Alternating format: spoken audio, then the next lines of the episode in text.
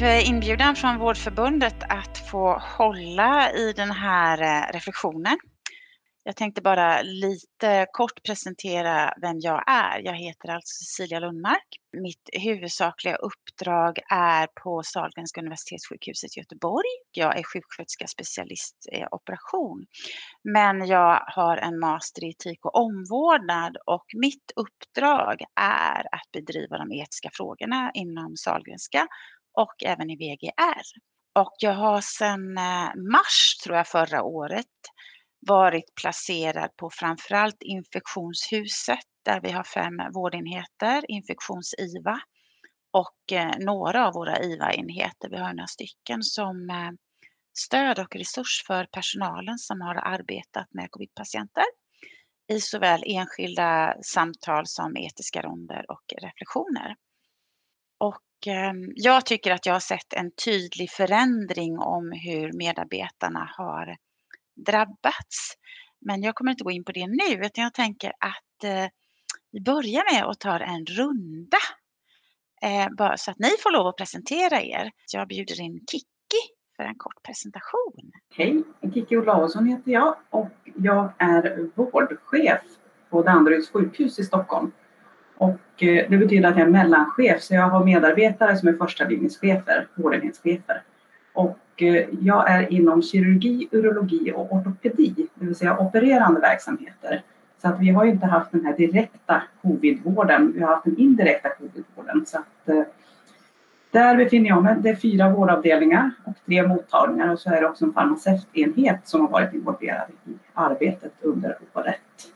Och jag är sjuksköterska, onkologisjuksköterska och jag har också skrivit en, en avhandling så jag är disputerad. Tack Kiki. Jag tänker att då har ni förmodligen verkligen drabbats av det här med prioriteringar. Och alla de patienterna som har fått stå tillbaka då vi har vårdat covidpatienter.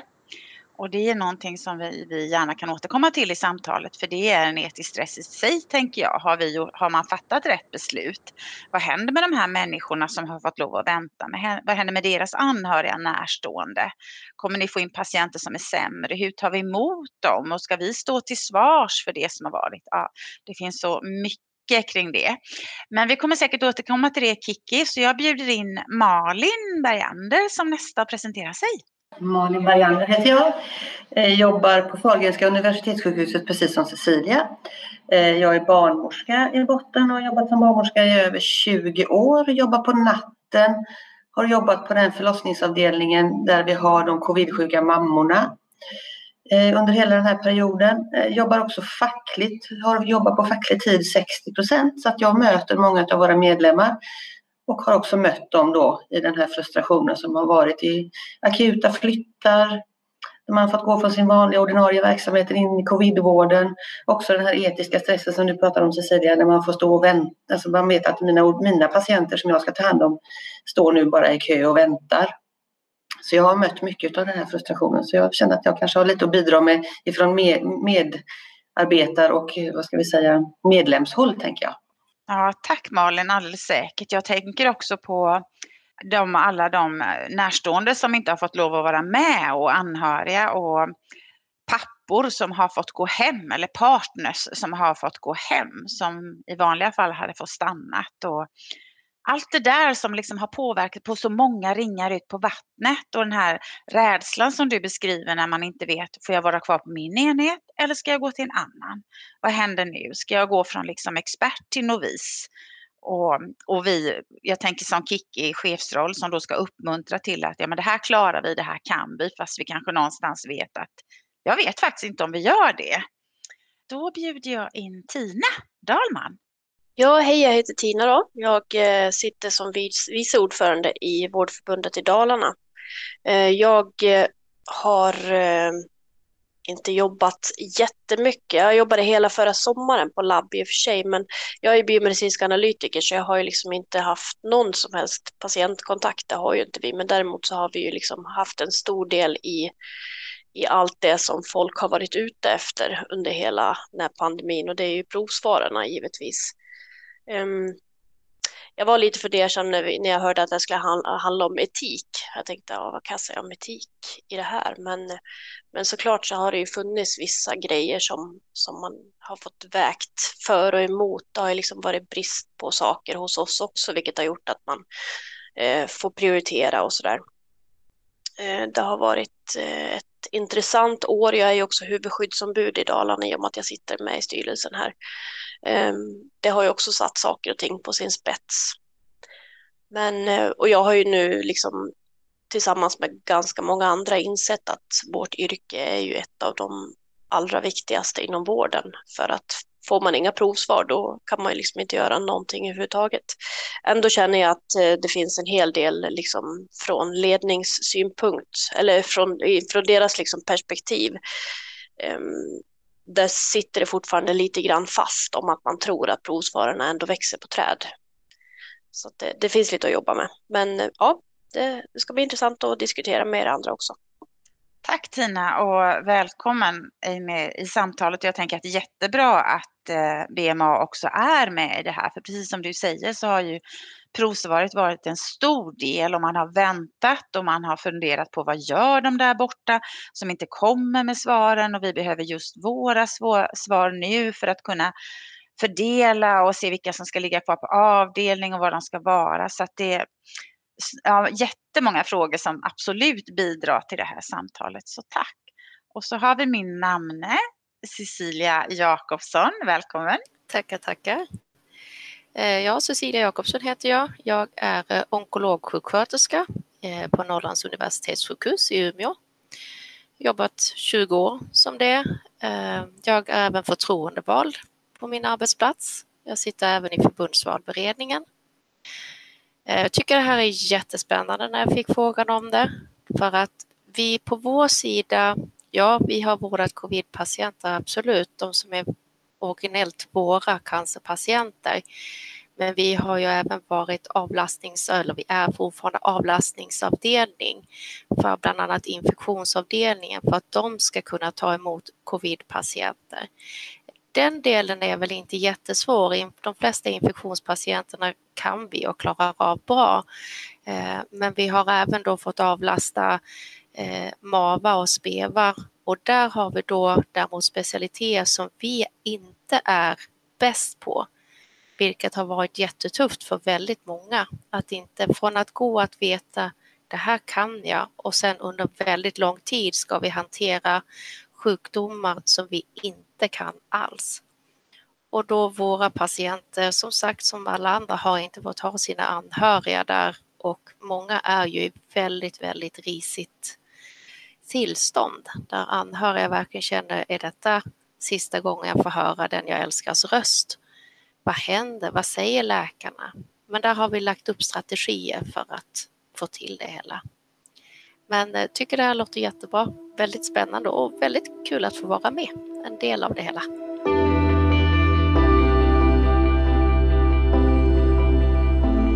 Vårdförbundspodden. Jag bara känner att var ska vi börja? Eh, för det som Cecilia lyfter det här eh, och som ni har mött hos alla era medarbetare är ju det här liksom att gå från expert till novis någon gång när jag utbildade mig till sjuksköterska för väldigt länge sedan så var det ju de här omvårdnadsteoretikerna och det var ju hur man skulle gå från novis till expert. Och jag tror att vi under det senaste året alla har gjort en resa från, eh, från att gå från expert tillbaka till novis och snabbt hitta att bli expert eh, när vi stod där alla i början någon gång i mars, oavsett var vi befann oss, om det var på covid-enhet eller på kirurgenhet, men alla skulle göra, eller onkologi eller BMA eller förlossning, så skulle vi alla göra ganska stora förändringar snabbt. Och dessutom fick vi nya rutiner nästan varje timma skulle jag vilja säga i början. Av med handskar, på med handskar, av med munskydd, annat munskydd, visir, inte visir, tre rockar, två rockar, inte mötas, kanske mötas, inga närstående. Alltså hela tiden det här som innebär en väldigt stor stress. För om vi när vi pratar etisk stress så brukar vi ha en definition på det som i stort sett skulle kunna vara så här, när jag inte längre kan göra det jag vet skulle kunna göra skillnad i situationen. Alltså vi, har, vi jobbar ju alltid med prioriteringar i, i vården. Men här blir prioriteringarna på en helt annan nivå. Och jag tänker Kicki som chef som ska prioritera och ganska snabbt och få dem under sig att, att försöka liksom vara trygga i det de ska vara. Malin i, i era roller som skyddsombud, allt det här. Så jag tänker, ska vi börja lite att prata vad ni tänker när, ni, när jag säger prioriteringar? Jag skulle också vilja påminna om det dokumentet som kom ut från Socialstyrelsen om medicinska prioriteringar under covid, där man faktiskt inte ens nämner begreppet omvårdnad, utan man pratar helt och hållet medicinska prioriteringar. Och det var säkert det, det som var kanske, ja, det var det man tänkte på, men jag tänker att det som har drabbats väldigt mycket det är ju prioriteringarna som vi har fått göra av olika åtgärder som inte alltid är de medicinska, det som Cecilia nämner, att vi kan inte prioritera anhöriga till exempel, som vi vet är väldigt betydelsefulla. Eller Tinan, vad ska jag prioritera med de här proverna och så. Så att jag lämnar den frågan, vad prioriteringar under det här året, vad tänker ni när jag säger så? Och så hoppar ni in. Vi är så få så jag tänker att vi behöver inte skriva i chatten utan hoppa in den som vill ta bollen. Det var Malin här. Jag tänker i förlossningsvården känner jag kanske inte att vi har behövt prioritera medicinskt utan där har vi ju liksom, det är en akutsjukvård där vi bara måste jobba på oavsett covid eller inte. Men det vi har sett är ju att man har fått göra medicinska prioriteringar på kvinnohälsan överhuvudtaget. Vi har fått ställa in operationer, den kön växer. Där blir det ju en etisk stress eh, för vi vet vad det kan betyda för de, alltså för de kvinnorna som får stå och vänta nu då jättelänge på sina operationer. Och sen det här som du säger med anhöriga har ju varit klart att vi inte har kunnat prioritera anhörig till framförallt de kvinnorna som föder barn då. De har kunnat vara med under själva förlossningen men sen inte kunnat vara med på eftervården. Det har ju varit jättetufft både för anhöriga och för personalen och för de konflikterna som det har gett. Kan man säga. För det är ju så att många har ju svårt att förstå och helt förståeligt skulle jag vilja säga att jag måste lämna min, min fru som precis har fött vårt gemensamma barn och gå hem och jag får inte vara kvar här. Det har ju varit oerhört eh, känslosamt och konfliktfyllt samtidigt, både för personal och anhöriga. Det har varit jättetufft. Cecilia Jakobsson här. Ehm, det är lite grann det du säger Malin, för jag tänker att det måste ju också bli en större, när respektive förälder inte får vara kvar, då blir det ju dessutom en större belastning på personalen som ska då liksom hinna med ännu mer för att nära och kära inte kan vara där och ta hand om. Jag tänker bland annat väldigt mycket på snitten som inte, de behöver ju verkligen någon där men de får inte vara där. Så det är jättehemskt. Men, men det jag tänker också för min egen del där jag är på Cancercentrum, där har vi för göra lite annorlunda prioriteringar för att flytta runt våra patienter.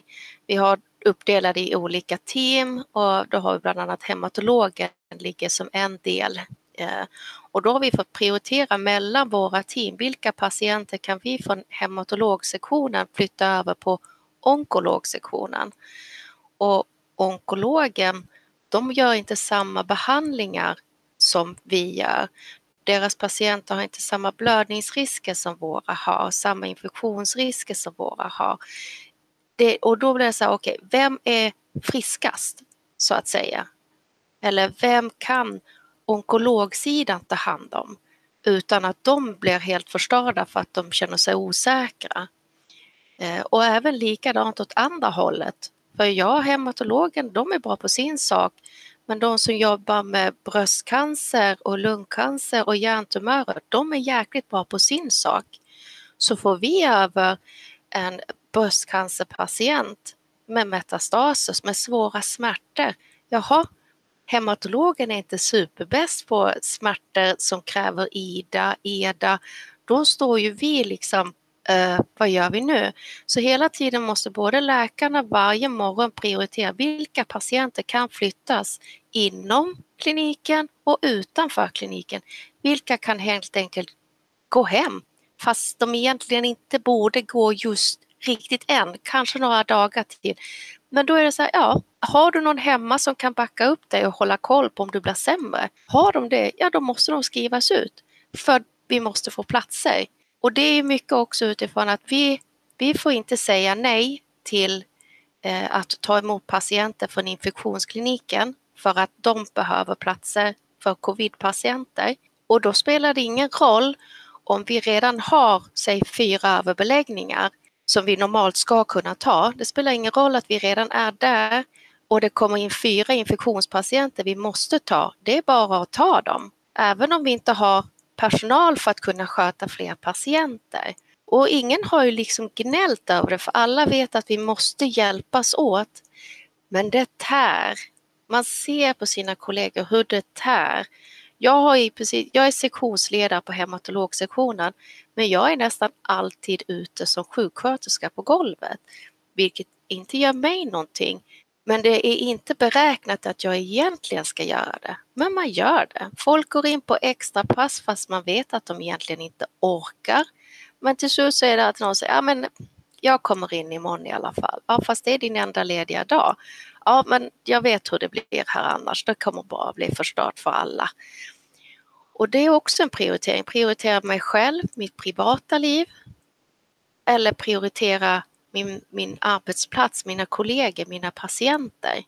Och det är också liksom, alla väger hela tiden. Våga stänga av telefonen när jag kommer hem för att annars så vet jag att det är stor chans jag blir inringd för att jag vet att jag egentligen behövs. Och det är hela tiden för folk för att man vill liksom så väl. Man har valt ett yrke inom vård och då gör man allt. Men på vems bekostnad? Ja, Cecilia, verkligen. Jag tänker att det där sista du lyfter, blir, det är ju också en etisk stress i sig när vi som vårdprofession, är precis det som du säger, alltså vi, vi, dels, alltså vi är oerhört lojala. Vi är lojala mot arbetsgivaren, vi är lojala mot patienten, vi är lojala mot våra medarbetare och kollegor. Men vi kanske inte alltid är så lojala mot oss själva. Vi hamnar liksom i något mellanläge där. Och jag har mött ganska många nu alltså min erfarenhet var att i början så var det kanske de yngre som drabbades mera av etisk stress, trötthet. De, ganska många på infektionskliniken som var nyutexaminerade i januari och började där i februari och packade svarta likpåsar i mars och kanske aldrig hade stött på någon, varit med om det. Men de som tappar nu, det är ju de, de sista två, tre månaderna. Det tänker jag de jag möter, det är de som har jobbat både 10, 15 och 20 år. Det är de rutinerade som har varit länge och som en dag bara kommit, som någon beskrev det, jag trodde att jag hade ätit något till frukost för jag började må, som inte var bra, för jag började må illa på bussen. Sen var jag tvungen att gå av och jag förstod att jag hade en panikångestattack. För att jag kan inte gå till jobbet. Så att ehm, Ja, Cecilia, det var en bra beskrivning. Jag ska alldeles strax släppa in nästa. Så välkommen Kicki eller Tina. Då kan jag säga att Cecilia, du har ju sammanfattat det väldigt väl. För så har jag även varit hos oss på, på Danderyds sjukhus på våran kirurgblocket som vi kallar det för också. Att I första vågen så var det ju lite så att den akuta sjukvården den sjönk. Vilket gjorde att vi hade ändå lite utrymme och sen drog vi ner på operationerna vilket också skapar en stress i och med att vi behöver skicka medarbetare till den högre vården. Vi hade inte så högt tryck på våra vårdavdelningar men sen efter när, när andra vågen kom så ser vi när vi hade börjat komma igång med våra operationer och, och, och köer att då blev det den här flyttkarusellen som du beskriver. Vi hade akuta patienter som inte hade vårdplatser, vi hade inte sjuksköterskor som vi hade sjuksköterskor som var trötta, omvårdnadspersonal var också väldigt trötta. Och eh, när patienter, när våra kirurgiska och ortopediska patienter ligger överallt, vi har hjärtpatienter så att hela dagarna som du säger gick ju åt att titta var finns det en ledig vårdplats? Och skyffla runt patienterna helt enkelt. Och det, det är inte lätt, man flyttar patienterna mitt i natten, man har inte kompetens. Patientsäkerheten är ju i fara. Och just, just också att nej, vi kan inte ta emot, vi har fullt och sen ska det pressas in ytterligare en patient. Och nu när vi kommer in i våg tre, när det ytterligare läggs på det här och som du beskriver, andra Cecilia, att eh, nu, nu ser vi de erfarna sjuksköterskorna som inte orkar längre. Man orkar inte ta emot den här pressen som hela tiden är. Och det här flyttandet av, av patienter och hela tiden det här pusslet gör att man, man blir helt slut. Man vet ju inte till slut var patienterna finns någonstans. Och vi har ju också kirurgisk specialitet är också för mycket, många nyexaminerade. Att då bli inkastade i det här, bli tvungen att ta hand om patienter som man egentligen inte har kompetens för att behandla och sen kommer in en hjärtpatient mitt upp i allting. Det är jättejobbigt och om jag bara får reflektera kring det här med anhöriga. Nu har ju inte vi, vi har cancerpatienter såklart men vi har också kortare vårdtider. Men där blir det också en liten etisk stress om att man tycker att det är lite skönt att inte anhöriga är där och stör. Men sen å andra sidan när man ser hur det börjar löpa på lite, då börjar ju telefonen ringa istället. Då ringer ju alla anhöriga in. Då får man ju stressen utav det. Så att bara den här känslan av att den där tanken dyker upp i huvudet, att det är ganska skönt att inte anhöriga är här. Den är inte rolig att hantera. För man vet ju vilket stöd de anhöriga är för patienterna såklart. Får jag reflektera på det? Jag håller med dig så väl Kiki. För det ger eh, det blir ju ner till stress när man faktiskt tycker att det är skönt att inte alla anhöriga är hos alla patienter och då mår man dåligt av det för att då känner man sig som en dålig person. Och det har också varit tuffa delar för vissa som faktiskt har uttryckt, åh gud vad skönt att den, den partnern inte är här idag. Alltså jag, jag skulle inte orka en dag till.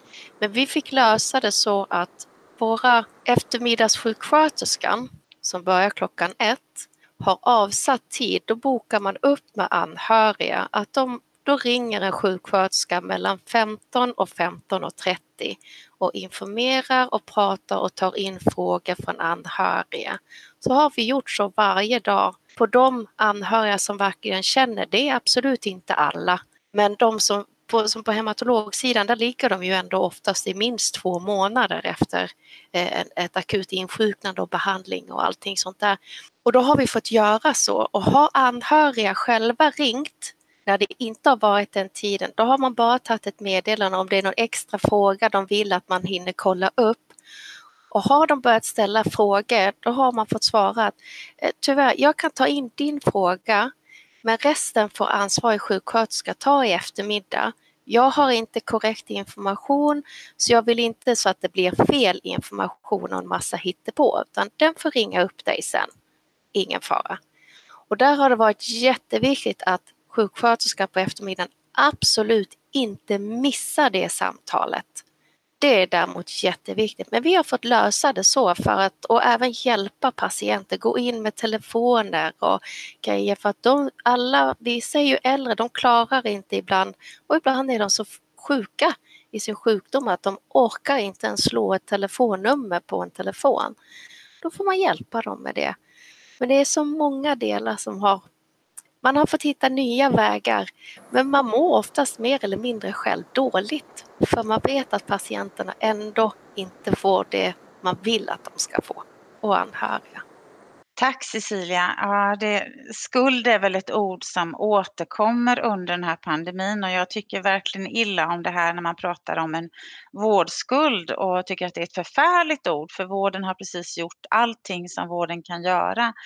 Har vi någonting så har vi en personalskuld, tänker jag. Eh, en enorm personalskuld.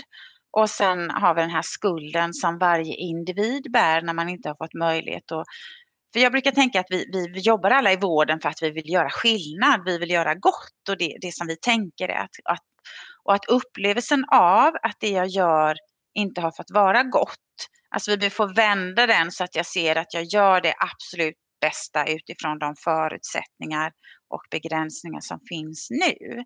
Men om jag då möter patienter där jag vet att jag har inte kompetensen, jag kanske blir absolut livrädd när det här hjärtpatienten kommer som du beskriver Kiki. Jag har aldrig jobbat med de patienterna.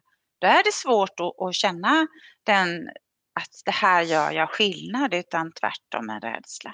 Vi ska släppa in Tina i samtalet. Välkommen in Tina. Ja, hej hej. Eh, jag funderar lite grann på det här också angående hur man har känt sig om med stress under pandemin. Och eh, jag har väl främst kanske känt en maktlöshet gentemot eh, mina kollegor och på vilket sätt det har ställt så oerhört höga krav på oss eh, som vi egentligen aldrig haft kapacitet att kunna leva upp till. Eh, jag tror att man har extremt dålig insyn både från regeringshåll och från eh, regionhåll hur, hur våra labb egentligen är utformade och hur personalen, hur, alltså, ja, men olika det är inte så att för att jag jobbar på ett ställe inom labb så betyder inte att jag kan bara valsa över till nästa ställe och vara precis lika effektiv där. Vi har ju liksom vissa olika behörighetsområden och, och eh, behörigheter som gör att jag får förhålla mig till min arbetsplats och inte kan vara på, på någon annan bara, bara på rak arm sådär. Vi har ju fått liksom koncentrera nästan ja, alltså en extremt stor del av vår personalstyrka på mikrobiologen har ju fått ägna sig bara åt de här covid-testerna, vilket gör att allt annat har ju i princip blivit lidande. Alla andra tester har ju blivit lidande för det här. Det har blivit försenade provsvar. Ehm, har, personalen har ju, vi har tre personal som har slutat nu sedan pandemin har börjat. Eh, vilket jag tror inte hade hänt om vi inte hade haft det här. Och det är ju, vi är ju en, en personalstyrka som redan idag är liksom, det är brist på oss. Så att vi behöver ju egentligen behålla alla vi kan.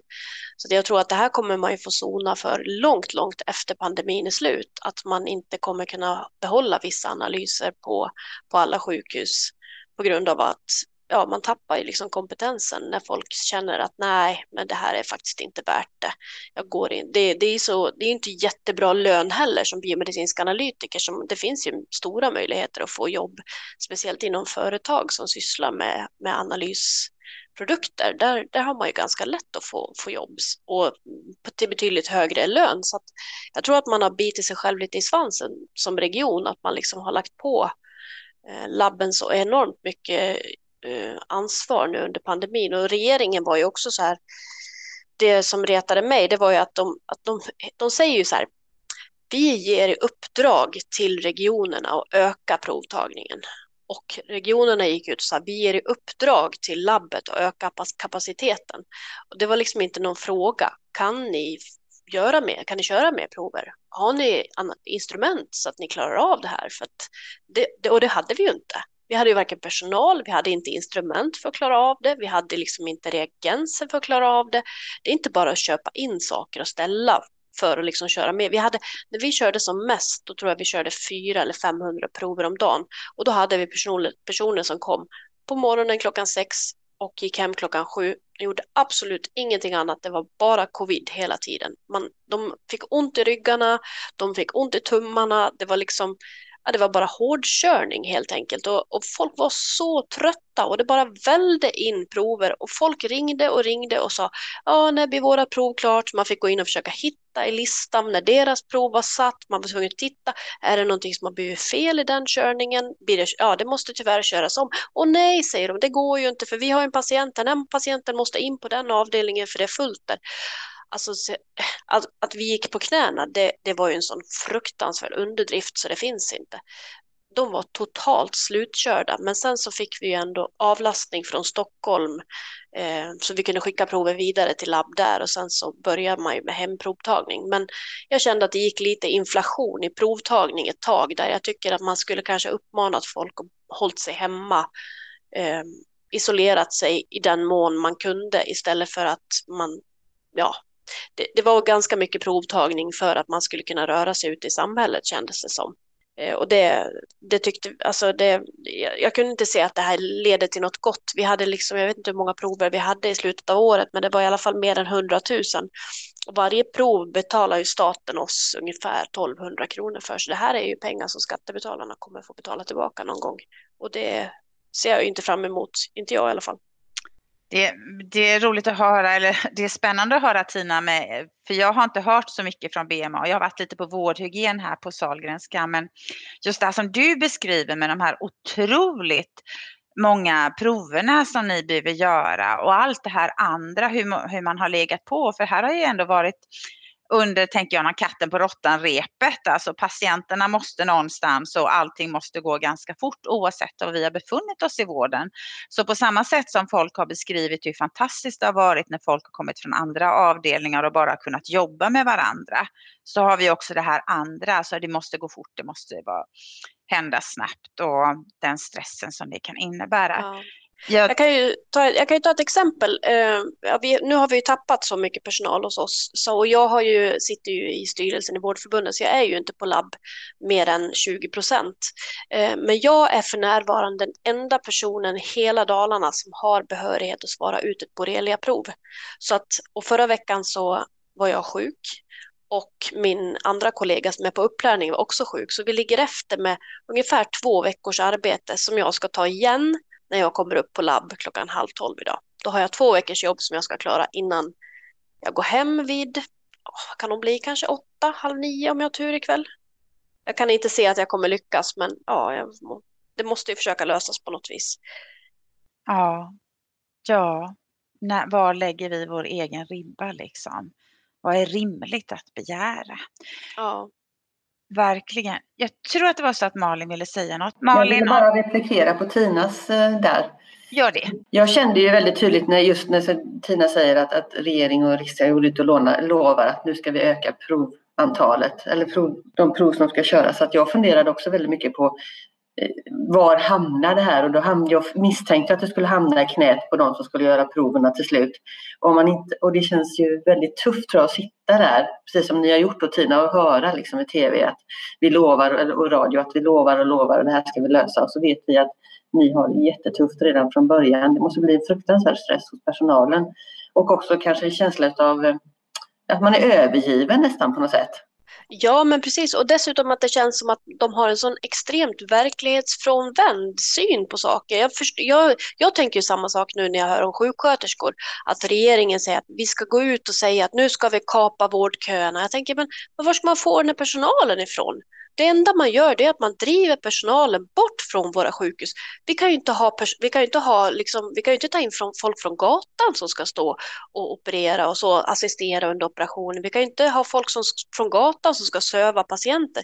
Jag tror inte att man förstår att det finns ingen personal att få in och finns det ingen personal att få in så kan man liksom inte lyckas med det här. Men i vår region så gjorde man ju också det här dumma att man gav i uppdrag till vårdcentralerna att öka provtagningen med 30 30 prover om dagen och då tyckte vårdcentralen, nej men 30 prover det är väl inte så mycket. Men vi har 30 vårdcentraler, det varit 900 prover om dagen. Jag var så osams med vår region och sa, vet ni vad, det här funkar inte. Vi har inte kapacitet, vi kan inte göra det här. Jo då, sa de, det har, vi har pratat med labb och det, och det har man, man har kapacitet. Och jag sa, du vet vad, jag är labb. Jag vet att inte vi har kapacitet för det här och jag undrar vem ni har pratat med då. Sen kröp det ju fram att det var ju någon på infektion som hade uttalat sig om att jo då, det där skulle nog säkert gå vägen. Men våran verksamhetschef, hon slog ju också bakut och sa att nej, vet ni vad, nu får ni faktiskt backa på det här, för vi kan inte klara av det här. Vi har inte instrument, alltså maskinerna, vi kallar ju dem för instrument. Vi har ju inte, även om de skulle gå dygnet runt så har vi inte kapacitet för det här som ni ställer. Alltså de kraven det går inte att liksom tillgodose. Så att eh, ja, det var bara, men det känns som att de lever liksom inte ens i verkligheten, de som bestämmer. Och det retar mig till tusen. Jag ser att Karina Lindblad har anslutit. Vi är en grupp som har påbörjat samtalet lite här, som du hör, ja. eh, med mycket tankar och reflektioner. Så Karina, välkommen att presentera vem du är. Ja, tack så mycket. Jag är också från Danderyds sjukhus. Då, då. Jag heter Karina Lindblad och är röntgensköterska och jobbar som AKA och klinisk lärare då, här på röntgen. Eh, jag tänker så här, i början så blev det ju väldigt annorlunda för vår del gällande patienterna då i eh, våg 1 då blev det ju väldigt eh, öde med de elektiva patienterna, lite som Kiki var inne, inne på där då. Eh, utan vi fick ju enormt mycket akuta undersökningar. Det blev ju lite så att alla patienter som kom via akutmottagningen skulle göra eh, datortomografi över thorax. Även om man hade begärt DT över, över buken så ville man det blev, lite, det blev nästan lite som att screena patienterna och vi upptäckte jättemycket de här specifika covidförändringarna då, även om inte patienterna hade sökt för eh, covid-symptom så att säga. Så det blev en enorm belastning för personalen just under eh, jourtid då som vi säger, kvällar, helger och även dagar. Medan just de här bemanningen på eh, de undersökningsrum eller labb som vi säger dagtid, det, där gick det ner då, då, enormt mycket. Sen blev det ju lite annorlunda nu när resans gång så att säga, men, men det blev en sån otrolig påfrestning i det avseendet.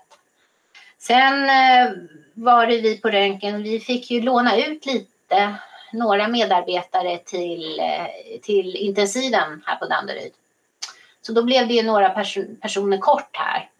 Så vi har haft några undersköterskor, några röntgensjuksköterskor som har jobbat på, på IVA här på Danderyd under, under förra året så att säga, men inte nu. Eh, och de tog ju med sig historier som inte vi på röntgen såklart var vana vid att höra. Så att man kanske skulle önskat att det fanns lite mer reflektionsstunder och så under den här perioden. Men det fanns det ju liksom inte möjlighet till i och med att eh, det var så pressat. Vi har ju sånt enormt flöde. Det kanske ni har pratat om, jag tänker på du Kiki där. Vi har ju sånt enormt flöde här på Danderyd. Och jag menar, har akuten mycket, då har vi på röntgen mycket. Så att eh, ja, det, det har jobbats på väldigt. Tack Karina.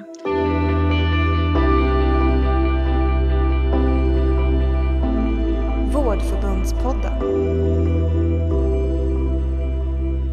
Tänker att vi ska fortsätta samtalet utifrån lite av det ni har pratat om. Eh, och precis som du säger Karina så, så tror jag också att eh, vi hade behövt haft en handlings... Alltså det kom ju en, en, ganska snabb handlingsplan om hur vi skulle arbeta med patienter och personal skulle flyttas. Men det kom ju inte så mycket om hur vi skulle stötta personalen under den här tiden utifrån och nu brinner jag ju för etisk reflektion men, och jag tror inte att det är det enda medlet men jag tror att det har stor betydelse att få berätta vad jag har varit med om för någon som kan lyssna. Och att inte ta det med mig hem. Att eh, alla de här berättelserna, vad händer med mig när jag går hem från jobbet och ser att eh, det sitter folk på uteserveringar och jag ser dem som potentiella nästa patienter. Eller när någon kommer och säger att nu ska du gå till den avdelningen och jag faktiskt nästan inte orkar mer och klarar inte av det. När jag hör saker på tv och radio som sägs så jag någonstans vet fast det där kommer ju inte funka. Det finns ju liksom inte möjlighet till det. Man har ju pratat om olika begrepp. Man har pratat ganska mycket om eh, värdighet och integritet hos vårdprofessionen. Att min värdighet är ju när jag får vara i det som jag kan där jag kan svara patienterna och veta att jag kan lita till mitt svar. Där jag kan undervisa den personalen som kommer och veta att det jag säger, det är liksom det som vi gör här. Och där i vilar ju också min integritet, att jag kan stå för det. Att jag inte heller blir uppringd som Tina beskriver och kanske säger, men varför är ni inte klara, varför har ni inte gjort detta och vad händer här? Eller, och de här begreppen tror jag, jag tror att det var Kiki som sa det, att det här är någonting, alltså vi kommer få leva med detta länge. Det är ju inte så att det här kommer ta slut och vi ska börja operera igen det som väntar, utan vi har, jag tror att vi har en ganska lång väg där vi kommer få möta olika berättelser från våra medarbetare och oss och själva. Framförallt kanske när det börjar lugna ner sig och vi börjar förstå vad är det vi har varit med om? För det är ju något väldigt specifikt. Vi kommer ju vara de som går ut och säger ja men vi var med under pandemin till våra barnbarn kanske. Eh, om den här extrema situationen som har varit. Eh, ni har ju pratat om olika saker, men ni har pratat alla lite om eh, medarbetare. Dels som Karina nämnde, de som har fått gå iväg, men också medarbetare som har blivit sjukskrivna. Så några som kanske har förlorat kollegor, medarbetare som har slutat för att man faktiskt måste fatta ett beslut. Det här kan jag inte vara i längre. Det, alltså det påverkar min hälsa. Eh, om vi skulle vara i de begreppen lite det här med, med våran egna, alltså den här hälsan. För vi kan ju bli ja, fysiskt trötta av att vi springer mycket, jobbar mycket, alltså mycket på fötterna, vänder vad vi nu gör liksom i vårt uppdrag. Men vi kan ju också prata om den här mentala tröttheten, att inte veta vad som händer imorgon. Att inte veta hur semestrarna kommer se ut, att inte veta vilka patienter jag kommer hantera, vilka labbprover vi kommer prioritera med mera. Och den tröttheten går ju sällan att sova sig ifrån, utan det är ju ett spinnande som pågår i hjärnan utan vi kanske behöver andra, var reflektion kan vara ett. Men kan ni känna igen någonting av det här med den mentala tröttheten hos er själva och era medarbetare? Det är någon som vill komma in i samtalet på den? Jag kan säga lite här. Jag tänker att jag som sitter som fackets förtroendevald och som skyddsombud också då, jag får ju många samtal om det här. Det känns som att Många förstår ju det här att man måste bli flyttad på och tycker att det, liksom är, det är jobbigt men det är okej. Men det går till någon slags gräns. Sen blir man så trött så man orkar liksom inte riktigt för det påverkar så himla mycket. Det påverkar ens familjeliv. Man kanske har valt att jobba på mottagning därför att man har svårt att jobba på dygnets alla timmar. Och sen helt plötsligt blir man tillbaka skickad till det som man en gång har lämnat. Och det, det, är mentalt väldigt jobbigt för många och det är många av de samtalen som vi får också det är bara som du säger, att få ringa och prata med någon om detta. Hur oerhört jobbigt jag känner att det här är. Och det är svårt att sitta på andra sidan telefon också tycker jag, för det är svårt att, att guida i det. Jag vet nästan inte riktigt vad jag ska svara då ibland, utan ibland är det också bara att man får, man får lyssna helt enkelt. Och så får folk prata av sig och sen kan det i sig ge liksom någon slags inte läkning, men det är i alla fall skönt att få prata med någon som lyssnar på en som kanske också förstår lite grann. Det hjälper, det hjälper ju föga, men det är ändå ja, det är jättekomplicerat här tycker jag. Mm. Eh, Cecilia Jakobsson här. Ehm, jag vill bara nämna nu som Malin säger, för att det, vi har ju haft folk som har blivit flyttade på. De har jobbat bland annat på infektions-IVA och eh, nej, covid-infektion eh, och eh, på neuro eh, som hade eh, eller fortfarande har covidplatser. Eh, och det de fick möta där det var liksom inte, men en kollega hon fick bland annat in en, en höggravid kvinna och, eh, och så hade de satt henne och jobba natt. Ja, hon har jobbat inom Cancercentrum i fem år som sjuksköterska men hon har aldrig jobbat på neuro, hon har aldrig jobbat med gravida och hon sa hela natten för henne var ju bara ångesten, tänk om hon liksom ska föda. Vad fasiken gör jag då? För de hade ju liksom, de som blev flyttade på olika, från oss i alla fall, de kände att de hade ju inte fått någon info. De hade ingen person som de kunde stötta, som skulle stötta upp dem eller någon som hade dem som en mindre samlad grupp där de kan vända sig liksom för att ja, men dumpa av känslor. För att då var det ju svårt att prata med, ja men som en av dem, de, hon pratar ju med mig men jag har aldrig jobbat med gravida. Jag har aldrig liksom jobbat med neuropatienter i deras problematik. Så jag, hade ju, jag kunde ju bara lyssna, jag kunde ju inte stötta henne så mycket mer men att bara lyssna. Bara, gjorde jag rätt? Uh, jag vet inte, för jag kan inte de patienterna. Och det kan jag väl känna fortfarande. De har ju varit tillbaka nu i två månader, nej, jo, två månader att det finns liksom ingen som fångar upp deras tankar, känslor efter det de fick liksom slängas in i och bara hantera. Och jag har ändå jobbat 20 år, skulle de slänga in mig där, jag hade varit precis likadan. Och, man, de, och det är väl det jag också kan känna att de som har hamnat i hetluften, det är ingen som tar hand om dem. Det är ingen som tar hand om deras känslor och den baksmälla som de har fått efteråt. Och jag tror, nu är det bara vad jag själv tror, så tror jag att alla dessa personers erfarenheter kanske hade blivit lite bättre om det faktiskt fanns en avsatt person eller grupp. Här i den här gruppen, där kan jag få kontakta och få lite stöd och känna liksom att någon faktiskt bryr sig om vem jag är, det jobb jag får göra och liksom fånga upp mig i mina känslor efter allt det här jag har gått igenom. Man brukar ju kalla, prata om cancerbaksmälla, men detta blir ju som en covid-baksmälla för folk på olika sätt. Men alla som har hamnat i det här på ett eller annat sätt och jag tycker det är väldigt synd för att de ska sen orka och jobba vidare i många år till. Men jag tror man hade klarat sig lite bättre kanske, kanske om man hade haft någon som faktiskt backar upp en och lyssnar på en. Tack. Jag tänker lite grann på det du sa, hur, det, hur jag personligen påverkat mig som chef och ledare i den här, under det här året så är det ju så också att, att lämna jobbet, det har inte liksom varit aktuellt. Jag har haft med min dator hem, jag har tittat på hur vårdplatsbeläggningen ser ut innan jag går och lägger mig för då vet jag hur det kommer se ut imorgon bitti. Och då vet jag att där kommer jag ha överbeläggningar och då kommer jag få de här samtalen. Och sen sitter jag i en sån här mellanchefsposition så jag sitter också i en grupp som tar hand om hela sjukhuset kring de akuta vårdplatserna. Och där det då krävs då att vi ska flytta från vårat kirurgblock till den högre vården och vi har skickat iväg medarbetare och så motiverar mina medarbetare som är chefer att de här personerna som var inne nu i våg 1 och är, har sin baksmälla, vi behöver skicka in dem igen till våg 2. Och hela tiden den här balansen har för mig varit också att jag ska ha sjukhushatten på mig men sen måste jag också tänka på mina medarbetare och försöka skydda dem i att vi kan inte, för det finns en tid efter covid, så att vi måste se till att behålla det här. Vi kan inte tvinga tillbaka sjuksköterskor eller undersköterskor som har varit på covid-IVA och kommer tillbaka sen och är helt slut. Och de har ju också en stress över att de inte vågar, kan, orkar gå tillbaka för de vet att de som jobbar på högre vården, de sliter djur. De, de går på knäna bokstavligen eller på ja, vad som är kvar utav benen ens överhuvudtaget.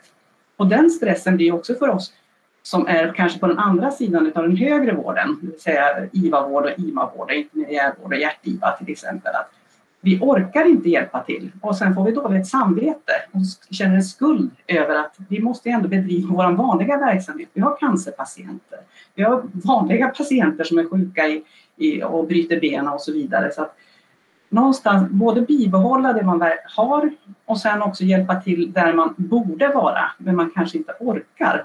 Och sen försöka hela tiden, nu ska vi allokera om. Det finns inga kvar att allokera om. Sjuksköterskor är inte brickor i ett spel, vilket jag kanske tycker att vi på Danderyd nu har kommit en, en bit i varje fall, att det går faktiskt inte. Vi måste titta på kompetensen, erfarenheten och personliga situationer för var och en. Var befinner man sig? Är jag på väg att gå in i väggen? Är jag utbränd? Har jag en familjesituation som gör att inte jag kan jobba dubbla skift? Jag kan inte pressa på. Och sen vet vi så har vi de här lojala människorna som kanske har förutsättningarna att kunna jobba 60 timmar i veckan. De kör vi ut, de bränner vi ut ändå så då har vi ingen kvar till slut. Och det tycker jag har varit nästan det jobbigaste, att kunna balansera det här. Och någonstans så känner jag också ett ansvar för att säga nej. Vi kan inte nödöppna en vårdavdelning med att samla ihop sjuksköterskor och undersköterskor och läkare och underläkare och, och, alla andra professioner som kommer in för att starta upp en helt ny vårdavdelning med allt vad det innebär på, på bästa jourtid. För att nu är det nästan jourtid hela tiden, dygnet runt. Och släpper vi någon från en vårdavdelning på gyn, gyn då, då får gyn brist på vårdplatser och så vidare. För att vi måste också behålla de här teamen som jobbar. Vi kan inte ha 14 patienter på natten som, vår, eh, som en sjuksköterska ska vårda. Det, det är klart att, att man som sjuksköterska och som chef och ledare inte riktigt kan stå bakom det någonstans. Och för mig har det varit liksom den här balansen. Och också, jag blev själv sjuk i covid, en lättare variant i slutet på mars, början på april förra året. Och jag har aldrig jobbat så mycket som då. Jag har suttit hemma på Teamsmöten från klockan halv åtta och svarat på frågor som jag inte har haft något svar på. Vilket skydd ska vi ha? Nu ska det göras risk och konsekvensanalyser, vilket är bra. Man sitter i möten och gör planer och hela tiden så här tickar liksom verkligheten på. Och man ska försöka se till att göra det så säkert som möjligt. Och ibland känner man liksom, man har skrivit planer som har varit inaktuella dagen efter och då ska man sätta sig igen och skriva de här planerna. Man känner det enda jag skulle vilja vara det är ute i vården och göra något nyttigt. Så att jag, ibland har jag känt mig liksom otillräcklig i den bemärkelsen att vad man än gör så ser det annorlunda ut dagen därpå. Och det går inte att släppa. Utan det surrar i huvudet hela tiden. Nej, men jag kan verkligen bekräfta den Kiki. För, eh, eh, jag tycker att jag har hört jag önskar så att ni fick sitta i sådana här grupper och få prata. För det, det, alltså lyssnandet har betydelse, att någon hör min röst som förhoppningsvis även kan förstå den eller ana vad jag säger. Och det som jag tycker att jag har hört från chefer, det är precis det du beskriver Kiki. Och det, det är också det här att man är aldrig ledig, man är ständigt i planeringsfasen. Man vet att planeringen kanske räcker tio minuter, ibland om man har tur tio timmar. Och att det finns ett, ett eh, det där som vi var inne på lite eh, tidigare, att det finns hela tiden någon slags som, någon tro att vi bara ska lösa det och att det bara ska hända. Och vården har ju, jag tycker vården har varit så väldigt ofta. Jag har stått så många gånger framför tavlan på operationsenheten och så har vi tittat på antalet patienter och vi sagt att det här går aldrig och sen går vi ut och gör det. Och att det är lite så, vi säger att det här går inte och sen hittar vi på något sätt att vi går ut och gör det. Men den här gången känns det som att vi har nått något annat. Att det kanske inte går längre. Det, liksom, hur, kan vi, hur länge kan vi be någon att utföra en syssla som vi samtidigt ser att den individen är ganska trasig nu? Att när den kommer till dig Kicki, eller ringer dig Malin eller kommer till dig Cecilia eller Karina eller Tina i era roller och berättar sin berättelse och sen får du säga ja, jag hör. Men just nu skulle vi behöva att du går till. Alltså, det blir sån oerhörd eh, kränkning mot den som har berättat berättelsen men också mot dig själva som ska säga det. Alltså tyngden ligger lika tyngt hos er som hos de andra, men på olika sätt. Tina, Karina, vill ni hänga in här? Komma med? Uh, ja, alltså rent labbmässigt så har vi väl bara kört slut på oss i princip. Men uh, på liksom styrelseuppdraget som jag har här så har jag varit med i väldigt mycket förflyttningsärenden och det har ju varit en jättejobbig del där man liksom har där folk verkligen inte har velat. Alltså Dalarna är ju ett stort län så att vi har ju, det är ju inte så jättenära att sitta och åka liksom mellan här. Men vi har ju haft folk från Mora som har blivit tvungna att pendla till Falun. Och sen så hade vi lite knasiga förflyttningar där man liksom tyckte att ja, 15 mil enkel resa på en dag, det skulle inte vara några problem liksom att klara av. Eh, vi har fått, haft personal som man har tyckt ska lämna sina husdjur hemma och ta in på hotell i annan stad för att liksom bistå. Och då har det inte varit liksom IVA-vård heller, utan när man plockar personal från ett ställe så uppstår ju brist på ett annat. Så att när man plockar in folk till IVA då, där man liksom har haft behovet, så har ju behovet uppstått. Så att man har ju egentligen bara flyttat omkring folk i Dalarna, liksom, från det ena stället till det andra, tagit, fyllt upp luckorna. Så helt plötsligt så känner ju folk att men herregud, ingen har någon koll på vem det är man jobbar med, var kommer de ifrån? Det är ju, vi har ju rättspsyk här också som har haft jättesvårt att bemanna och det är ju liksom en, en en funktion som man inte får ha svårt att bemanna. För funkar inte liksom avdelningen där man låser in eh, folk som, har, eh, som, man liksom, ja, som är dömda till rättspsykiatrisk vård, då, då, då, är man ju dessutom då är det ju farligt, för, inte bara för oss utan det är för allmänheten också. Så vi har, eh, vi har haft mycket problem med de här förflyttningarna och dessutom så har vi ju varit med och fått stopp på några förflyttningar också. Det var ju en hetsk debatt i tidningarna i förra våren om skolsköterskor som skulle flyttas. Där man ville flytta skolsköterskor. De har ju liksom sin eh, ledighet på sommaren och sen så eh, Ja, då ska de liksom förbereda sen i slutet av sommaren så går de in och så förbereder de det som ska liksom göras ordning inför höstens terminstart och så där. Och många hade ju aldrig jobbat med äldre, men det var ju då Borlänge kommun som ville ta de här skolsköterskorna och flytta in dem i äldreomsorgen för att där hade man brist. Eh, och skolsköterskorna kände ju att men jag har ju aldrig jobbat med äldre. Det är ju inte alls samma sak. Och liksom mäta och vaccinera och ta hand om ett barn och sen helt plötsligt ska man liksom försöka medicinera och ta hand om äldre. Och det var ju sån debatt i tidningen där de tyckte att, att sjuksköterskorna var svikare, liksom som, ja, ja, här ser ni att det behövs folk, liksom, men, men ni väljer ändå liksom att skita i och gå in och hjälpa till. Och det vart ju jätteetiskt jobbigt för dem också, för att de kände liksom att ja, men, vi riskerar ju ändå att förlora vår legitimation. Man kan ju liksom ta död på någon i värsta fall om man liksom inte kan se att för, för medicinering av äldre, det är ju det är ju extremt kruxigt på hur de tar till sig och sådär.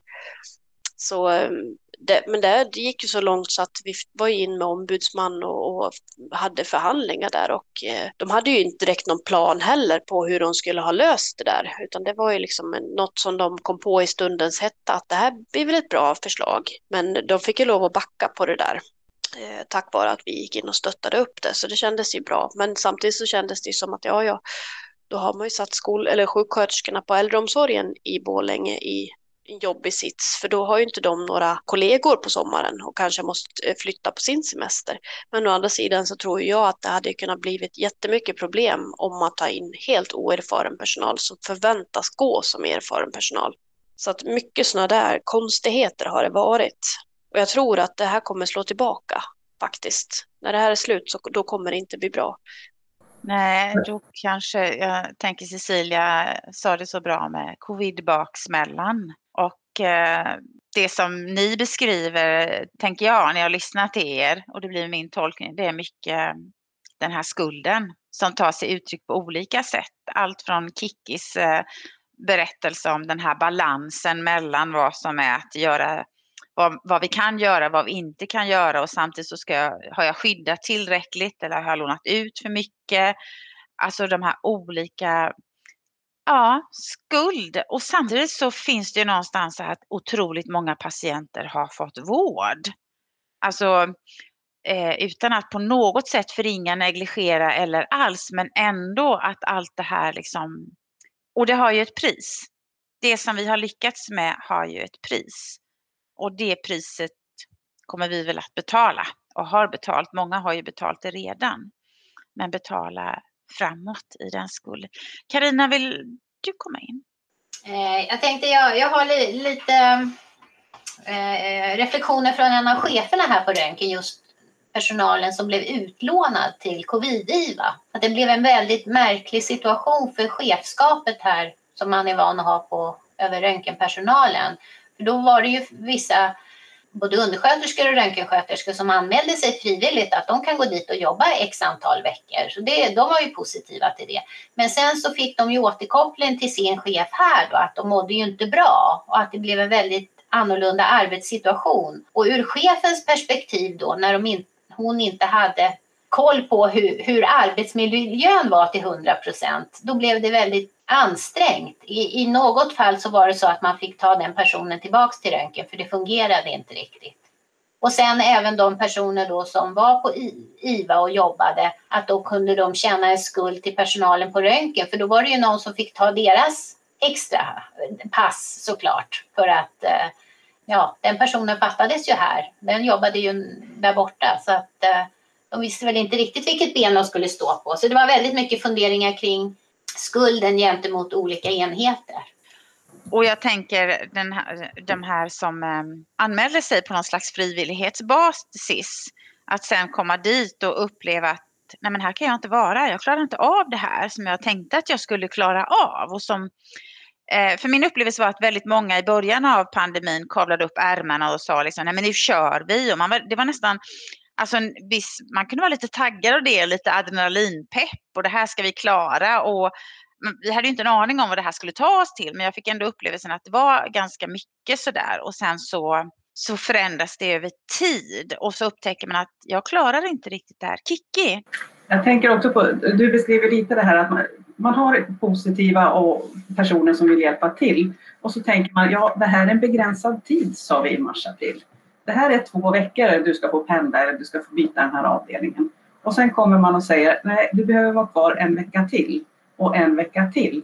För att framförhållningen har ju inte varit den, den som vi normalt brukar ha. Men sen till nästa våg så då kan, ser vi till att nej, men vi, nu har vi ordnat med två intropass och du ska få gå igenom vissa saker och, och, lära dig de här grejerna. Och, nu, och sen sänker man ribban dessutom att nej men vi, det går bra med nyexaminerade nu till högre vård. Det, det går bra för de får vara som assistenter. Och sen blir det ju också så där att vissa kanske vill men de klarar inte av att hantera för man märker ju helt plötsligt att man inte har kompetensen. Och är man kanske nyexaminerad så kanske man inte förstår det här från att gå från novis till expert att jag har inte förmågan egentligen. Och då kan jag ju se att chefen då kanske på IVA eller IMA ser att den här är en väldigt bra person som vill så väl men hon eller han eller hen är inte där än. Så att då måste man skicka tillbaka den personen, det fungerar inte samarbetet. Och sen är det ju faktiskt flera stycken som, också, som tycker att det här har varit väldigt intressant och roligt och nu fortsätter att utbilda sig till IVA-sjuksköterska eller anestesisjuksköterska och det är ju fantastiskt. Men det är ju också de, här, de som man måste tvinga iväg till att jobba någonstans och som inte har egentligen förutsättningar. Två veckor går bra, tre veckor kanske funkar. Sen kommer det sommar och sen kommer våg två, helst nu blir det fyra, fem veckor till. Och sen vet man inte hur många veckor blir det här och ingen kan säga någonting. Utan man bara ser att det ökar och ökar och ökar och ökar. Så det är ju jättesvårt att kunna motivera då någon att nej, bara lite till. Det är som ett maratonlopp. Fast nu ökar vi det. Det blir 50 kilometer istället. Nej, nu blir det 60 kilometer istället. Och det, vi vet inte, det kanske blir 100 till slut. Men ja, ja, var kvar. Ja men verkligen Kicki, det är också en av de sakerna som man tar upp när man pratar om alltså vad som kan vara orsakerna till att vi ja, blir någon form av utmattning eller stress eller vad det är. Det är just det här att vi vet ingenting. Alltså det, vi, ingen har talat om för oss när det här tar slut. Och, att vi, och det gör det så så mycket svårare än att, precis som du hade sagt som chef, du går dit två veckor och så är det två veckor och sen kommer jag tillbaka. Då hade vi alla kunnat göra det här. Men det här att vi aldrig vet, att vi sitter här nu och faktiskt inte vet hur sommaren blir. Vi vet inte hur nästa vecka blir. Sen tror, jag tror det var Karina och sen Malin.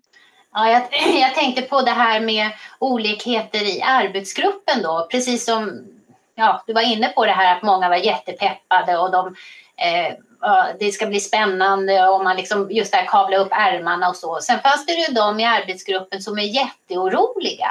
Så det blev en sån otrolig skillnad. En del bara, åh, jag vill hiva, jag vill hjälpa till och så. Medan då har man kvar några på, på, på arbetsplatsen som, som nästan har svårt med mötet med dessa alla covidpatienter och hur ska vi skydda oss och var ska vi stå i rummet. Och det blev så en otrolig skillnader i gruppen. Förut är man ju van att jobba mer i en dynamisk grupp med någorlunda, även om man tycker olika, men att man, man har samma mål. Men nu det började, det spretade så väldigt.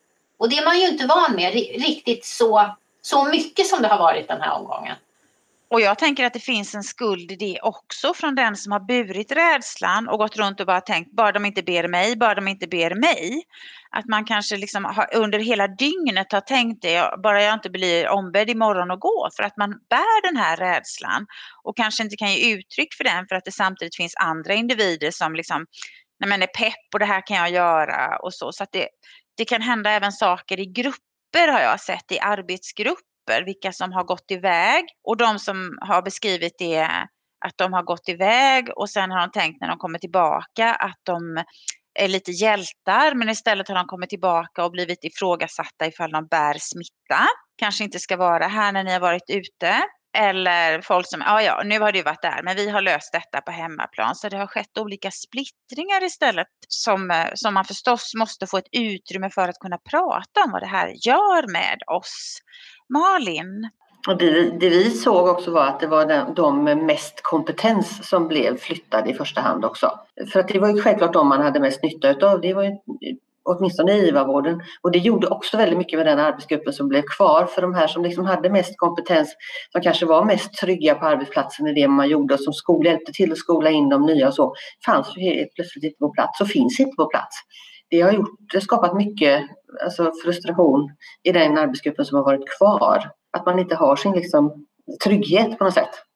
Ja, va, va. Det blir så många ingångar när vi sitter i det här samtalet. Och eh, jag tänker att vi, att vi ska inte börja runda av, men vi ska börja fundera på några frågeställningar skulle jag gärna vilja uppmuntra er till.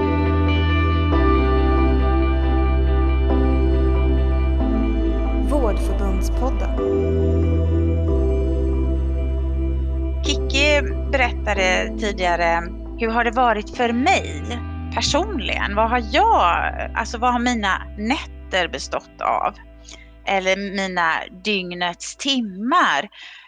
Om ni skulle rikta den frågan till er själva, vad har varit svårast eller vad finns i mig? Vad har jag blivit starkt påverkad av?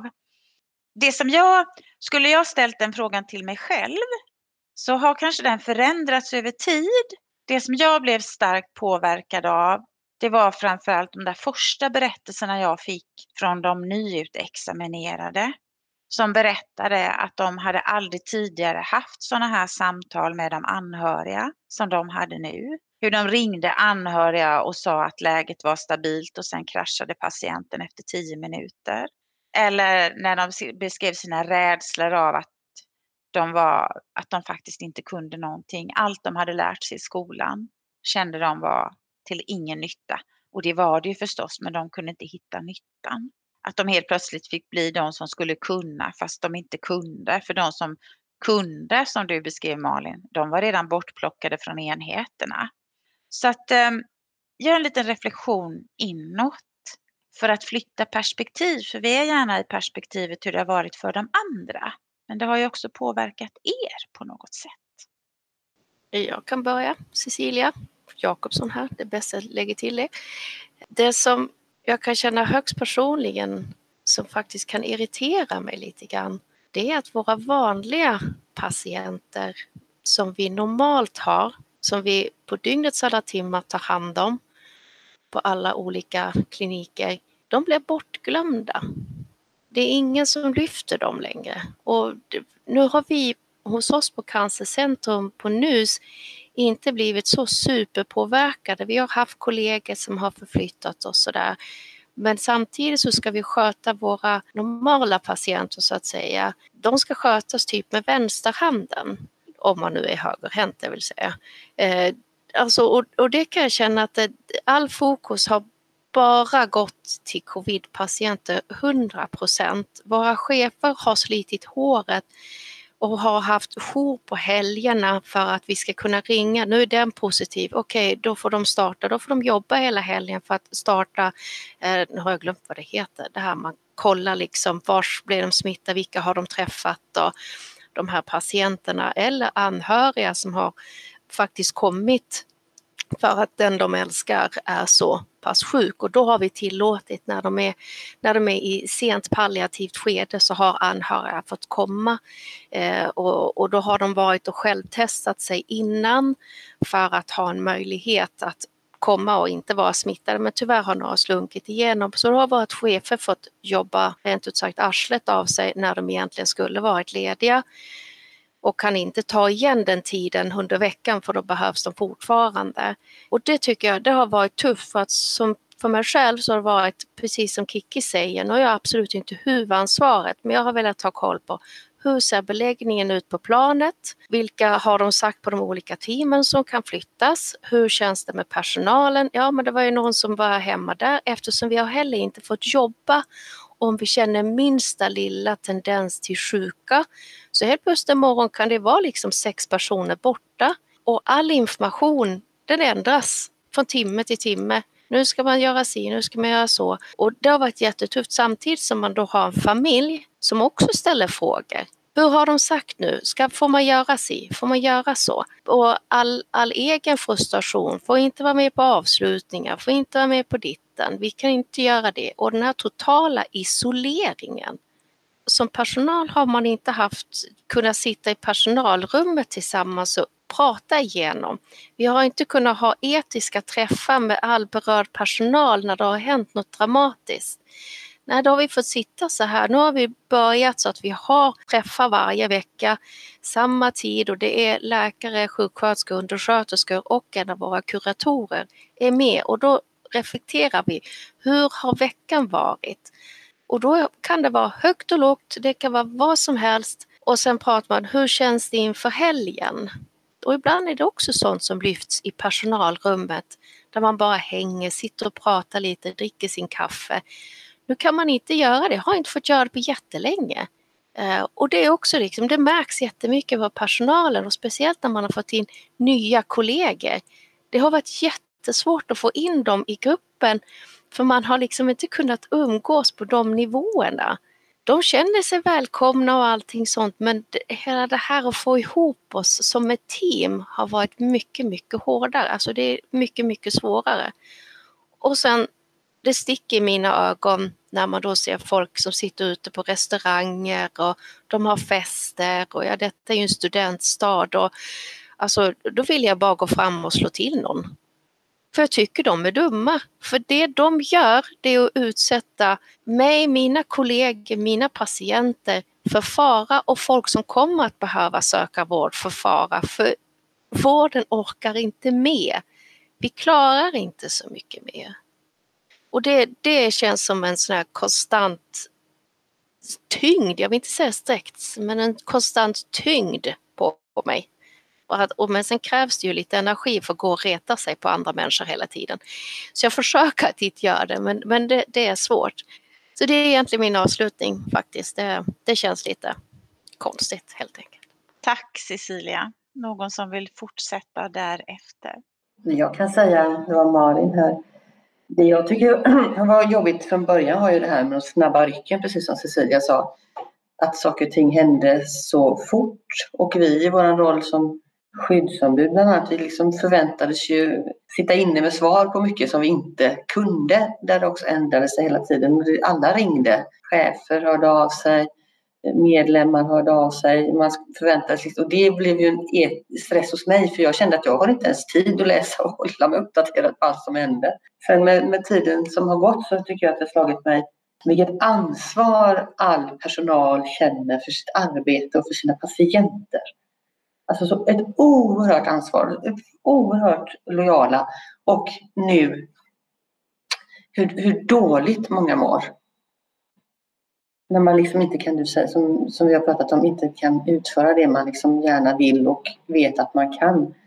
Och den oförmågan jag kan känna hos mig själv när de här medlemmarna ringer till mig och säger att nu har jag liksom för fjärde gången fått ringa hem till ett litet barn och säga till dess föräldrar att den här hjärtoperationen som ni verkligen väntar på den kommer inte att bli av och vi vet inte när. Och hur, hur oerhört ledsen den människan är som kan ringa till mig och säga det. Och jag känner att jag vill kunna hjälpa dem man inte har riktigt förmågan. Vad ska jag säga? Jag har ju liksom inga svar och sen blir det någon slags moment 22 för jag får lite dåligt samvete för att jag inte kan hjälpa dem och de får lite dåligt samvete för att de kan liksom inte hjälpa sina patienter. Så det blir liksom en rundgång och det här är någonting att vi tror att vi måste ta tag i. För det här tror jag att folk kommer att känna och ha med sig länge efter pandemin. Så det är lite reflektion från mitt håll. Jag tänker Malin att det som du beskriver lite där för mig eh, tangerar det som Kicki beskrev av otillräckligheten, att inte kunna räcka till. Och samtidigt så tänker jag att när du lyssnar så gör du något. Det finns åtminstone ett öra på andra sidan. Så även din upplevelse av att inte kunna göra någonting så gör du någonting i stunden för att de vet att de kan åtminstone ringa. Även om det kan tyckas futtigt så finns det ändå någon som eh, lyssnar. Och den här otillräckligheten tycker jag så många har beskrivit för mig under pandemin oavsett vilket eh, uppdrag man har. Att just det att jag är aldrig tillräcklig. Jag känner nästan aldrig att jag har varit tillräcklig. Och hur vi kan har ett ansvar, tänker jag, framöver att kunna hitta det, att vi har varit mer än tillräckliga. Att varje individ ska kunna få gå hem från sitt arbete och känna att det jag har gjort, det har varit gott nog. Jag har, fortfarande, jag har gjort skillnad. Kanske inte så som jag hade önskat, hoppats, trott, men jag har gjort någon liten skillnad hos den individen som behövde mig idag. Så vem... Eh, ja, jag tänkte jag kan väl säga någonting då. Jag eh, har väl också den här inre skulden hela tiden, att det känns som att jag menar, jag sitter ju i Vårdförbundets styrelse och har inte alls varit på labb lika mycket som mina kollegor. Och där ser jag ju liksom att de sliter när jag kommer upp och de mår ju jättedåligt. Och jag har varit in till chefen och sagt att ni vet att ni kan ringa in mig om det är så. Jag kan komma på övertid. Jag kan, eh, är det så att det fattas folk på helgerna så kan ni ringa till mig. Men de har liksom inte gjort det och jag vet liksom inte. Ja, det är väl kanske för att de tycker att jag inte heller ska jobba övertid. Men eh, får ju ändå lite skuld sådär när jag, jag, har ändå ork kvar. Jag har inte slut på mina axlar och, och jag har inte ont i mina leder. Men samtidigt så har jag ont i mitt bröst för att det är så himla mycket hela tiden som händer. Det är så många som ringer och liksom, ja, men som också vill att man ska lösa en massa situationer som uppkommer som, som man egentligen inte liksom kan rå på. Cheferna rår ju inte heller på situationerna. Så att, det är personalbrist, folk får inte ut sina semestrar, de får indragen ledighet tillbaka och jag önskar liksom att jag kunde bara lösa alla problemen, men jag kan inte det. Så det enda man kan göra är ju egentligen att lyssna in. Och jag har ju under det här året sett hur min arbetsplats har liksom krackelerat och spruckit isär från att vi har varit ett jättebra sammanhållet gäng som alltid har liksom peppat varandra, varit på bra humör, känt att ja, men det här fixar vi. vi. Det är klart att vi kan göra det här gemensamt och vill du vara ledig, ja men då kan vi byta helg, vi kan göra sådär. Till att vi nu är mer eller mindre sura på varandra hela tiden. För man tycker att jaha, ska du gå hem tidigare idag och göra det där? Ja, men ja, ja, jag står väl kvar här med mina grejer fortfarande då, som vanligt. Ehm, och att jaha, nu börjar den, nu kommer den sent som vanligt. Istället för att man liksom, ja, ja, den där droppar väl in vid halv nio snåret. Ja, men det brukar den ju alltid göra liksom så. Men då är den ju kvar lite längre på eftermiddagen till att man nu liksom går och, och ser snett på varandra eh, och tycker att jaha, nu, det som har varit en egenhet förut som man har tyckt liksom att ja, men den är på det viset. Där ser man nu som en egenhet som man börjar störa sig på. Eh, och vi har kommit jättelångt ifrån varandra. Vi får ju liksom inte fika tillsammans nästan. Vi får inte göra någonting liksom ihop och man ska ha munskydd och man ska hålla avstånd. Så att vi har en extrem distans emellan oss och nu börjar liksom folk sluta också för att de känner att nej, men det här är liksom inte, det är inte värt eh, besväret att vara här för att det tär mer på kroppen och psyket än vad det liksom ger något. Och jag kan liksom inte riktigt se hur vi ska få ihop gruppen igen. Eh, och jag tror att man liksom når någon form av händelsehorisont där man känner att där det, där det blir så att, att det går inte att få tillbaka det som varit innan. Så att jag vill nog att den här pandemin ska vara slut väldigt snart så att man kan vi har ju liksom haft personalfester, vi har suttit alltid tillsammans och fikat jättetätt. Vi har ju varit sådana här som, ja men får inte du plats för det? Du får, det är klart du får plats för det här bordet. Herregud, vi flyttar åt oss. Vi har suttit som packade silla på vår arbetsplats. Och nu är det liksom, nu är alla var för sig, så individuella personer som bara går runt och surar. Så att det här har, det här kommer verkligen inte gynna oss känner jag och jag får sån skuld när jag inte kan lösa det här problemet. Och jag ser också att vår chef är helt liksom, ja, hon är maktlös inför det, inför det som håller på att hända och, och alla är bara jätteledsna så att det, det blir tråkigt. Jag vet, inte, jag vet inte hur man ska göra. Tack Tina. Nej, jag blev också lite sådär tyst kände jag när jag hörde din beskrivning. Den gick liksom rakt in i hjärtat. Dels tänkte jag på det här som du sa att det inte finns utrymme för egenheten. Att vi inte har, ut, att vi inte har att det som tidigare har funnits utrymme för blir en irritation. Att vi alla ska göra lika och på samma sätt. Och den här distansen som, ehm, som har skapats med såväl utrustning som att vi inte ska sitta nära varandra även om vi måste göra det i många fikarum för de är inte byggda på något annat sätt. Så att på samma sätt som det har skapat distans så har vi också delat något och jag tror att vi måste få fånga delandet i våra berättelser för att om möjligt kunna hitta tillbaka till någonting om vad vi har varit med om. Alltså, jag tänker att det här är existentiellt. Jag tänker inte att detta bara är en händelse utan det här är ett liv, ett livsår som har påverkat oss arbetsmässigt och för många existentiellt. Och att eh, det kommer vara i våran covid-baksmälla. Och ni har alla lyft ordet skuld och otillräcklighet på olika sätt. Ehm, um, Kiki? Jag kan bara reflektera det sista. Ibland, ibland så tänker jag att jag kanske är lite korkad men jag glömmer bort saker. Jag, jag, jag, jag kan knappt komma ihåg hur det var och vilka beslut som fattades under början. Och, och, det är liksom dag för dag som har gått. Och jag vet ju nu när man, jag sitter också och reflekterar. Jag har fattat beslut som kanske inte var rätt. Vi har, men å andra sidan, vi har gjort om och jag har gjort rätt. Och sen när nästa våg har kommit så har vi förbättrat lite till. Och någonstans så känner jag också att det finns ju en, en, en jättestyrka i personalgruppen. Det finns en sån styrka och sån flexibilitet och sån kraft också och också en omtanke att ta hand om varandra. Så att jag ser nu någonstans ljuset i tunneln och liksom kunna ta med sig det, den här erfarenheten in vidare och reflektera kring vad kunde vi gjort annorlunda? Vad kunde vi ha gjort bättre? Vi ser saker som faktiskt har blivit bättre. Vi, vi har dokumenterat ihjäl oss förut och nu har vi förbättrat det genom att faktiskt dokumentera det som är bra för patienten exempelvis. Och vi har blivit bättre på att reflektera. Vi har tagit in krisstöd emellanåt. Och det är klart att jag, jag, tycker om att jobba. Jag tycker att det har känts meningsfullt att också ha koll hela tiden. Jag tycker det känns meningsfullt att lyssna. Och så känns det också meningsfullt att kunna reflektera när jag har gjort någonting fel. Att, attans, den här risk och konsekvensanalysen, där involverar inte jag den där personen och då blev det fel där och jag lyssnade inte in där. Men jag har ju lärt mig massor under det här året. Också att involvera rätt personer och också att stå på mig när det gäller vissa saker. Vi är inte brickor i ett spel. Vi måste göra det här ändå under någon form av kontroll när vi skickar medarbetare hit och dit. Så någonstans så ser jag ju att vi kommer komma ur det här med en styrka också i vår profession, i vår organisation och personligen. När man sen har gått över bakfyllan, tänkte jag säga, bakfyllan, tänkte jag, baksmällan efter det. När man har kommit över baksmällan och fått stöd och hjälp och reflektera kring vad som har varit faktiskt och gå framåt. För att någonstans, nu ska jag kanske inte måla fan på väggen, men vi kanske kommer hamna i den här situationen igen. Och vi har ju lärt oss otroligt mycket. Och vi ser ju var vår kompetens finns och vad vi kan, men också vad våra begränsningar är. Och vi kanske har nått vägs ände här. Vi måste se till att vi har kompetenserna på plats. Det går inte att flytta erfarna personer till andra ställen och låta de oerfarna vara noviser egna och ta hand om patienter.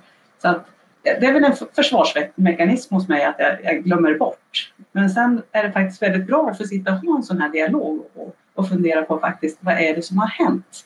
Att, eh, jag ser ändå framåt och jag ser positivt och det är klart att man planerar ju såklart sommaren, hösten, kökapning och allt vad det heter men någonstans så tror jag det kommer att lösa sig på ett eller annat sätt. Men vi måste värna också om varandra och vi måste ta den här tiden. Och ja, märkligt år. Märkligt år. Och jag minns fortfarande när jag märkte det första gången i korridoren på Danderyds sjukhus när jag gick iväg och skulle till en mottagning. Och så kommer det en patient som ligger, ligger i en säng med visir och munskydd och personalen går med sådana här masker och så skriker de ur vägen. Det här var i mars och folk bara skingrade sig. Och då tänkte jag, nej, vart är vi på väg? Vad är det här för en sjukdom som faktiskt kommer? Och det blev ju faktiskt ganska läskigt till slut.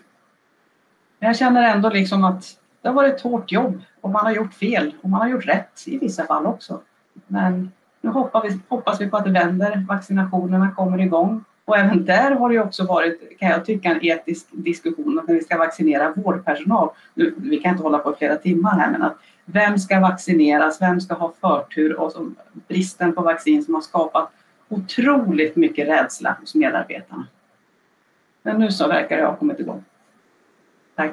Tack Kiki. Malin skrev här i chatten kloka ord och det håller jag verkligen med om.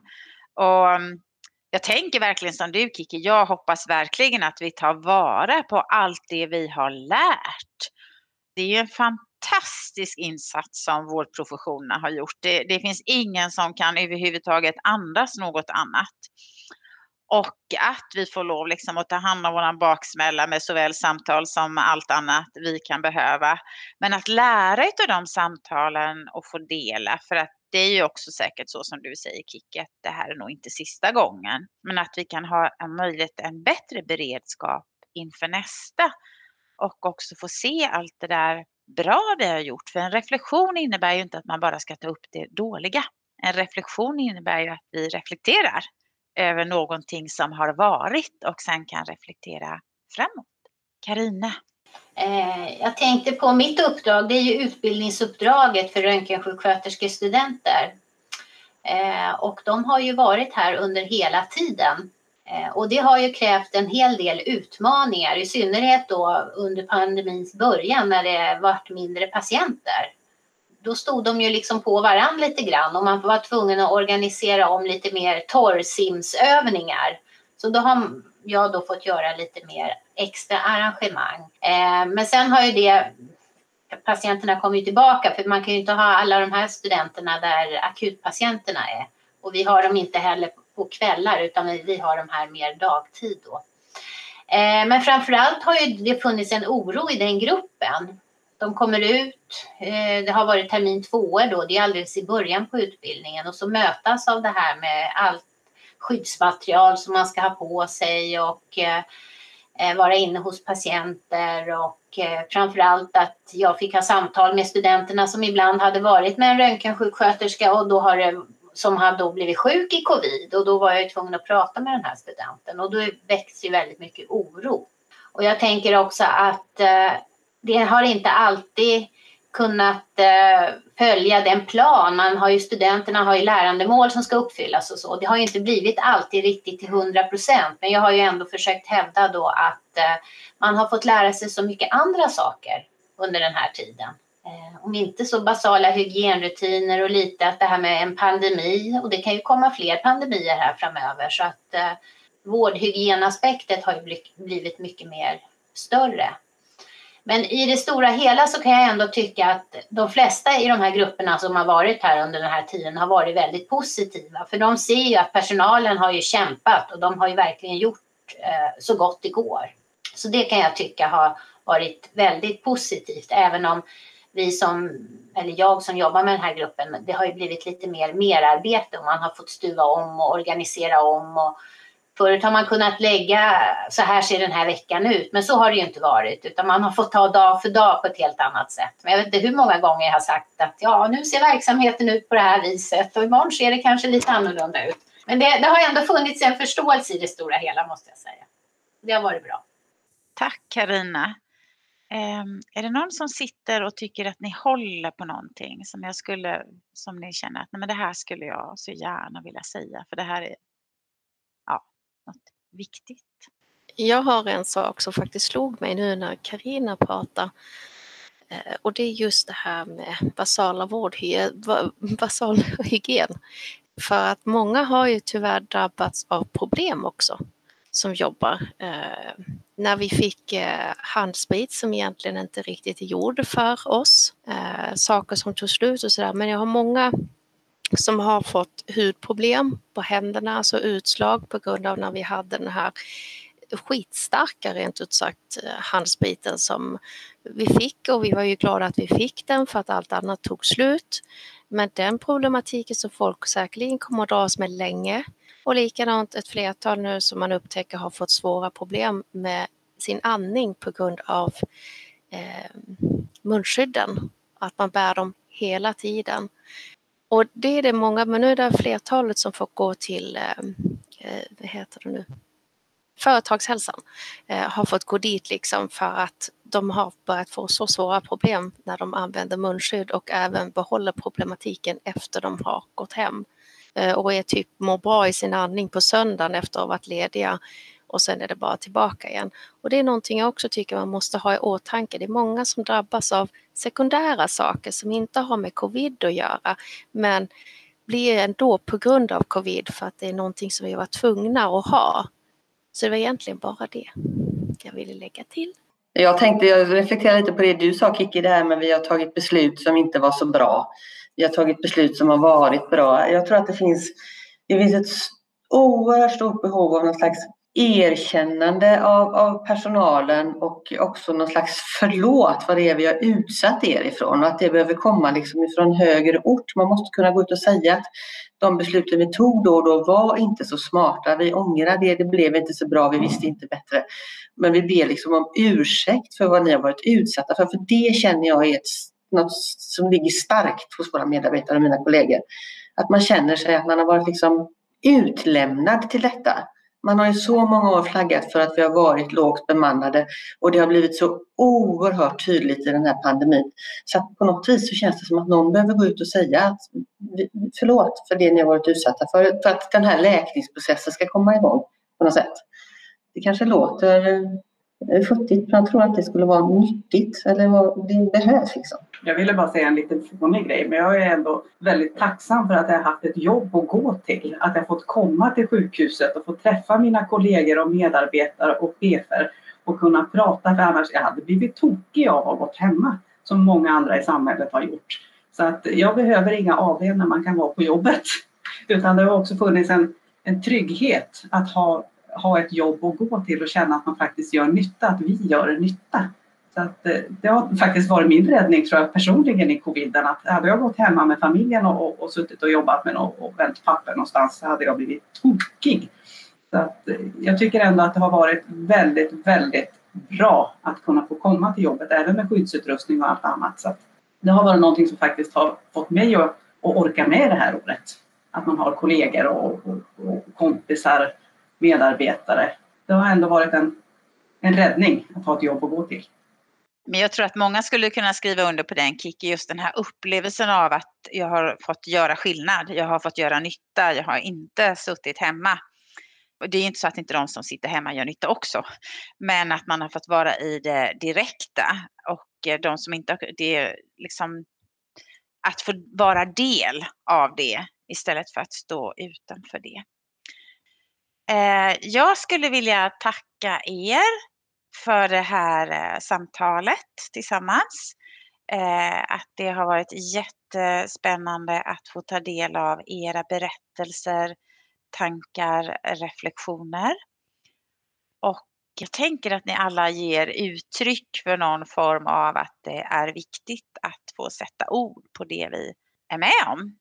Och att ni också beskriver alla situationer där ni har lyssnat och de andra har fått sätta ord på det som har varit viktigt. Och det, man kan inte göra allt, men man kan alltid göra något lite var. Och så skulle jag vilja önska er en god sommar. Så tack alla!